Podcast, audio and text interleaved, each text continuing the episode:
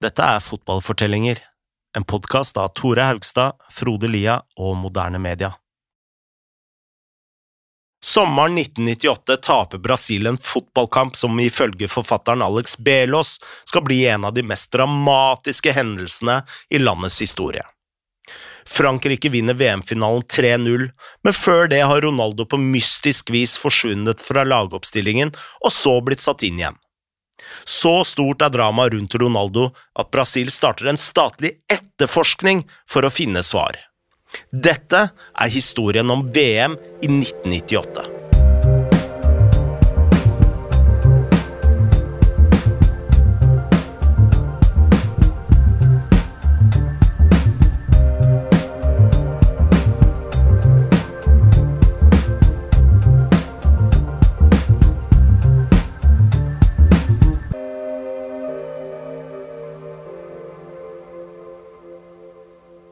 Selv om Brasil var favoritter, var det mange store rugger i dammen.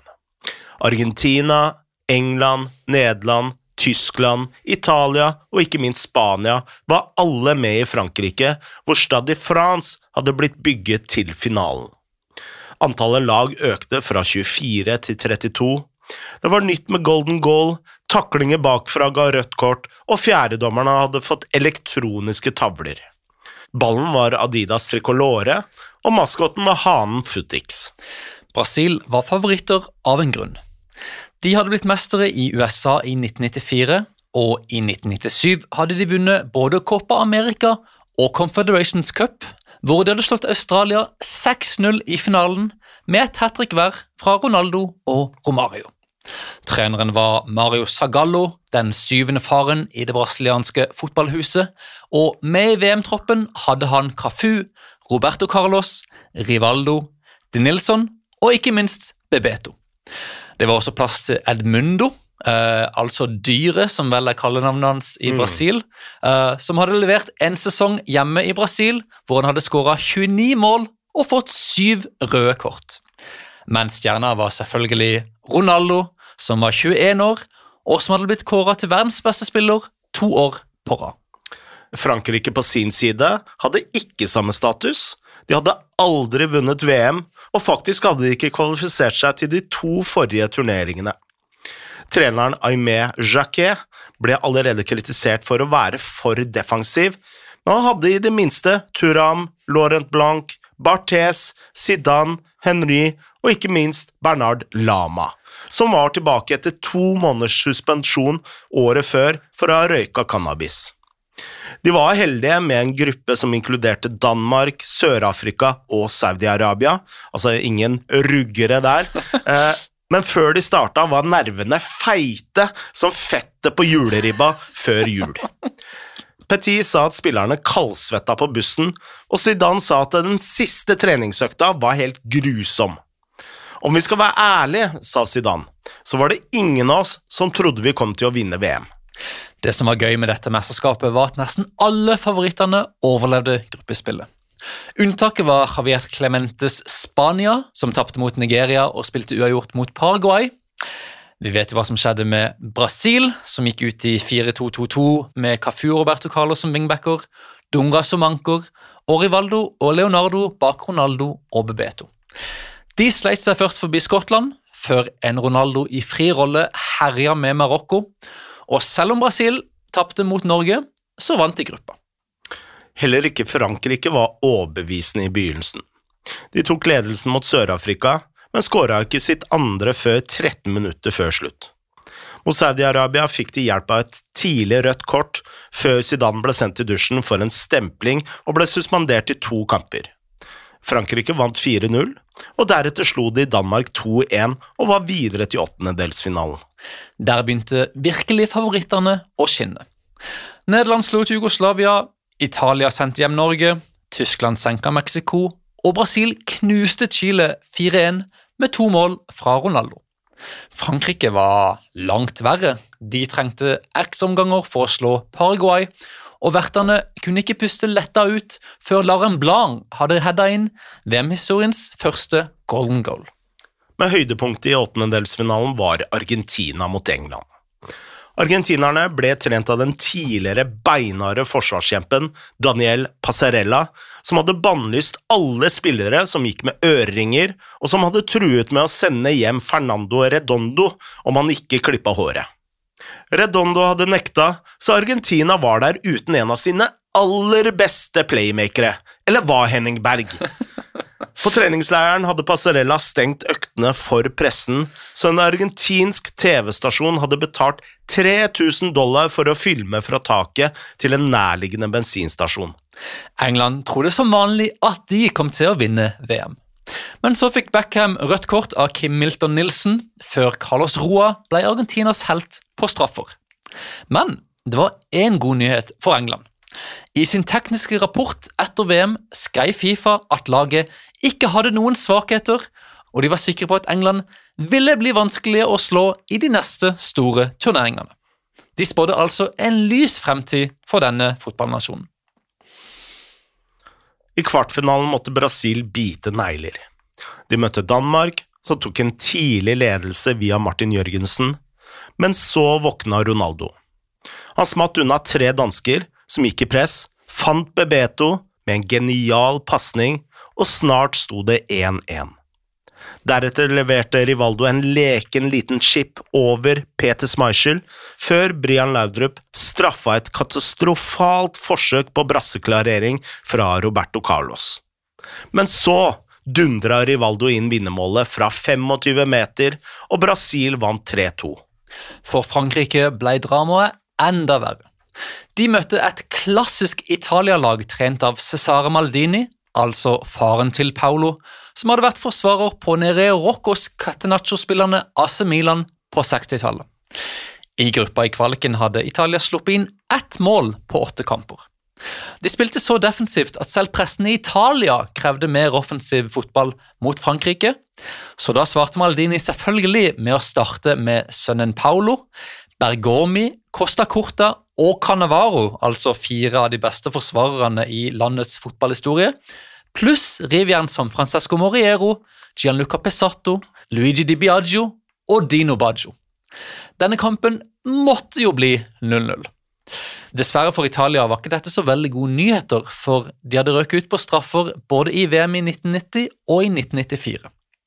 Her ble Di Biagio synderen da han traff tverra, falt bakover med ryggen i gresset og holdt hendene over fjeset i ren fortvilelse.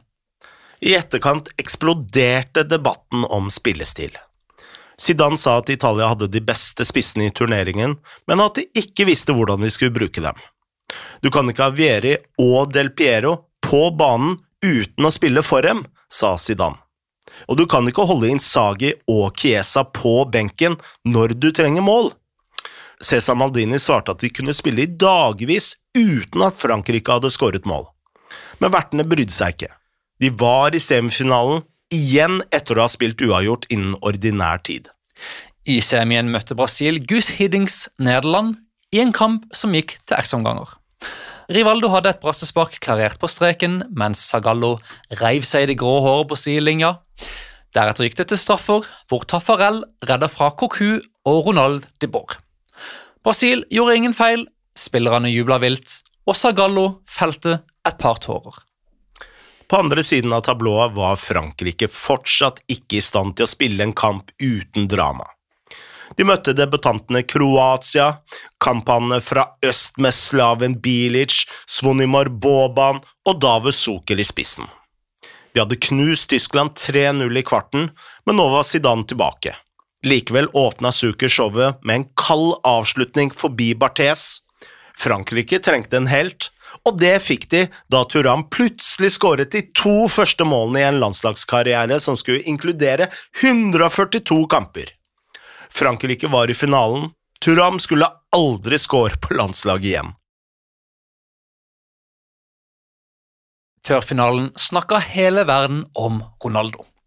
Han hadde skåra fire mål i dette VM-et, men i sin frie rolle hadde han også bidratt stort til det oppbyggende spillet.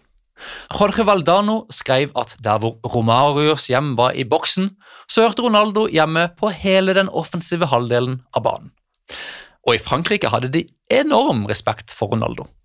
Det finnes en video som sikkert fortsatt er på nettet, hvor uh, Jacquet demonstrerer på treningsfeltet hvordan Ronaldo alltid finter til venstre og så går til høyre. Og Her snakker vi jo selvfølgelig om den berømte overstegsfinta. Senere diskuterer spillerne hvordan de skal stoppe Ronaldo, og Desai forteller om en gang hvor han møtte han i Serie A. Jeg så ikke ballen, sier Desai i videoen. Om han går til høyre eller venstre, så ser du ikke ballen. Deretter imiterer Desai disse fintene, og så mimer han at noe har forsvunnet like foran han. Hvor er ballen? sier Desai. Det er ren magi. Men så kom katastrofen.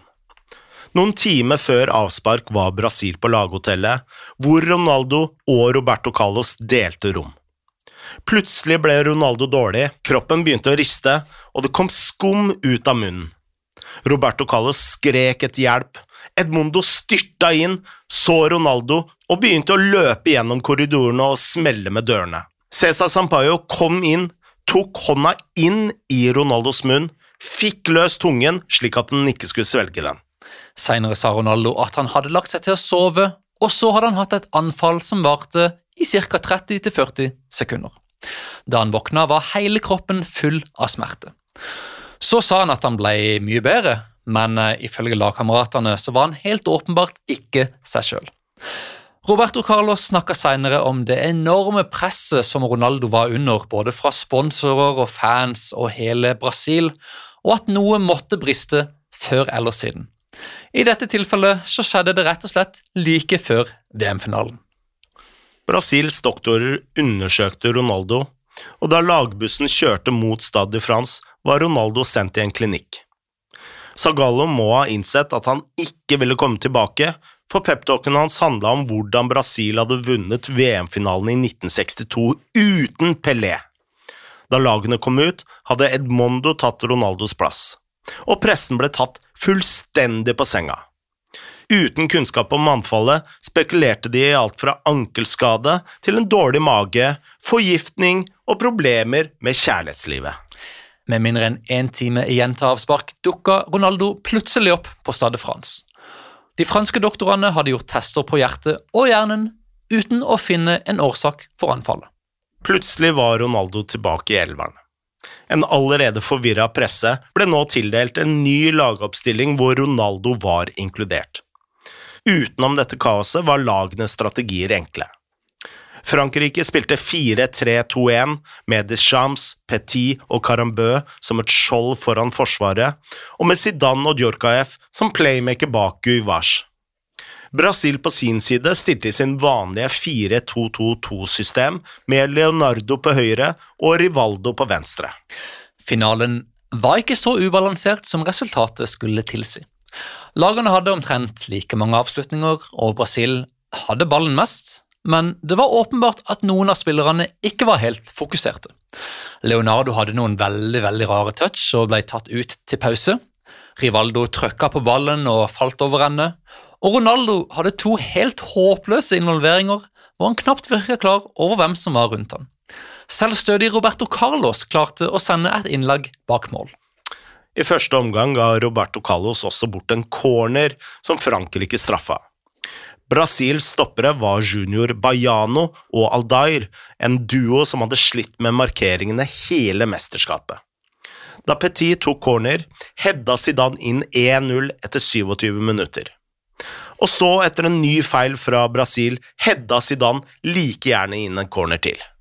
Etter pausen kom Jacquet aldri til å risikere denne 2-0-ledelsen. Frankrike la seg bakpå, og Brasil stanga hodet i veggen. Ronaldo var nesten ikke involvert, og selv etter at Desai hadde fått sitt andre gule kort, så storma Petit frem på en kontring og la på til 3-0. Frankrike hadde vunnet sitt første VM. Spillerne klemte hverandre, Barthes brast sammen i gråt, og senere den kvelden hylla det franske folket sine helter. Ved en litt mer rar anledning kom også president Jacques Chirac bort til Petit og sa Vet du hva, Emmanuel? Du, du er favoritten til kona mi. I Brasil venta en gedigen oppvask. Kun uker senere hadde en advokat gått til søksmål med krav om en forklaring på den elendige prestasjonen. Rio de Janeiros regionale medisinske komité grilla landslagets to doktorer, men begge ble frifunnet. I stedet dukka det opp konspirasjonsteorier. En hevda at Brasil hadde mottatt 15 millioner pund i bytte mot en lett trekning i 2002, pluss rett til å arrangere VM i 2006. Som del av dette hadde Ronaldo nekta å spille finalen, men ombestemte seg da Nike truet med å trekke sponsorpengene. Alt dette var selvsagt bare tull. En annen teori, som ble trodd på av flere, var at Nike hadde lagt press på Ronaldo for at han skulle spille. Nike hadde tross alt signert en kontrakt med forbundet verdt 105 millioner pund, pluss at de sponsa Ronaldo individuelt, og hadde selvfølgelig en stor interesse av at han skulle spille finalen. Da Nike fikk høre dette, var de rasende og benekta alle anklager. Likevel ble et kongressmedlem med navn Aldo Rebelo satt til å lede en statlig etterforskning av forholdet mellom Nike og det brasilianske fotballforbundet på basis av at avtalen deres gikk imot suverenitet, autonomi og nasjonal identitet, altså tre prinsipper som er garantert av den brasilianske grunnloven. Kongressen kalte inn en rekke vitner til Brasilia for å forklare seg. Zagallo måtte forsvare avgjørelsen om å starte Ronaldo, og minnet om at de franske legene hadde gitt ham grønt lys. Zagallo la til at det kollektive trauma muligens kunne forklare prestasjonen. Senere ble doktorene igjen grilla. En av dem sa om jeg hadde stoppet ham fra å spille og Brasil hadde tapt, hadde jeg blitt nødt til å flytte til Nordpolen. Så kom Ronaldo sjøl frem foran Kongressen. Det første han sa var har jeg som vitne rett til å be om et glass vann? Senere forsvarte han sponsoravtalen med Nike og benekta alle teoriene. En av de i salen mista det kanskje litt, for eh, han spurte rett ut Ronaldo om det var han som skulle markere Zidane på corneret, som om dette var relatert til Nike-avtalen. Kongressen fant aldri noen gode svar. Nike overlevde med ryktet i behold, og ingen i Brasil-leiren ble funnet skyldige. Visstnok var den mest realistiske forklaringen at Ronaldo hadde fått en injeksjon av xylokain, altså en type smertelindring, og at det ved et uhell hadde gått inn i en blodåre. Selv sa Ronaldo at han hadde beholdt det aller viktigste, og det var livet. Men det beste svaret hans hadde kommet tidligere. Noen i Kongressen hadde spurt han rett ut hvorfor Brasil ikke hadde vunnet VM. Da sa Ronaldo vi tapte fordi vi ikke vant.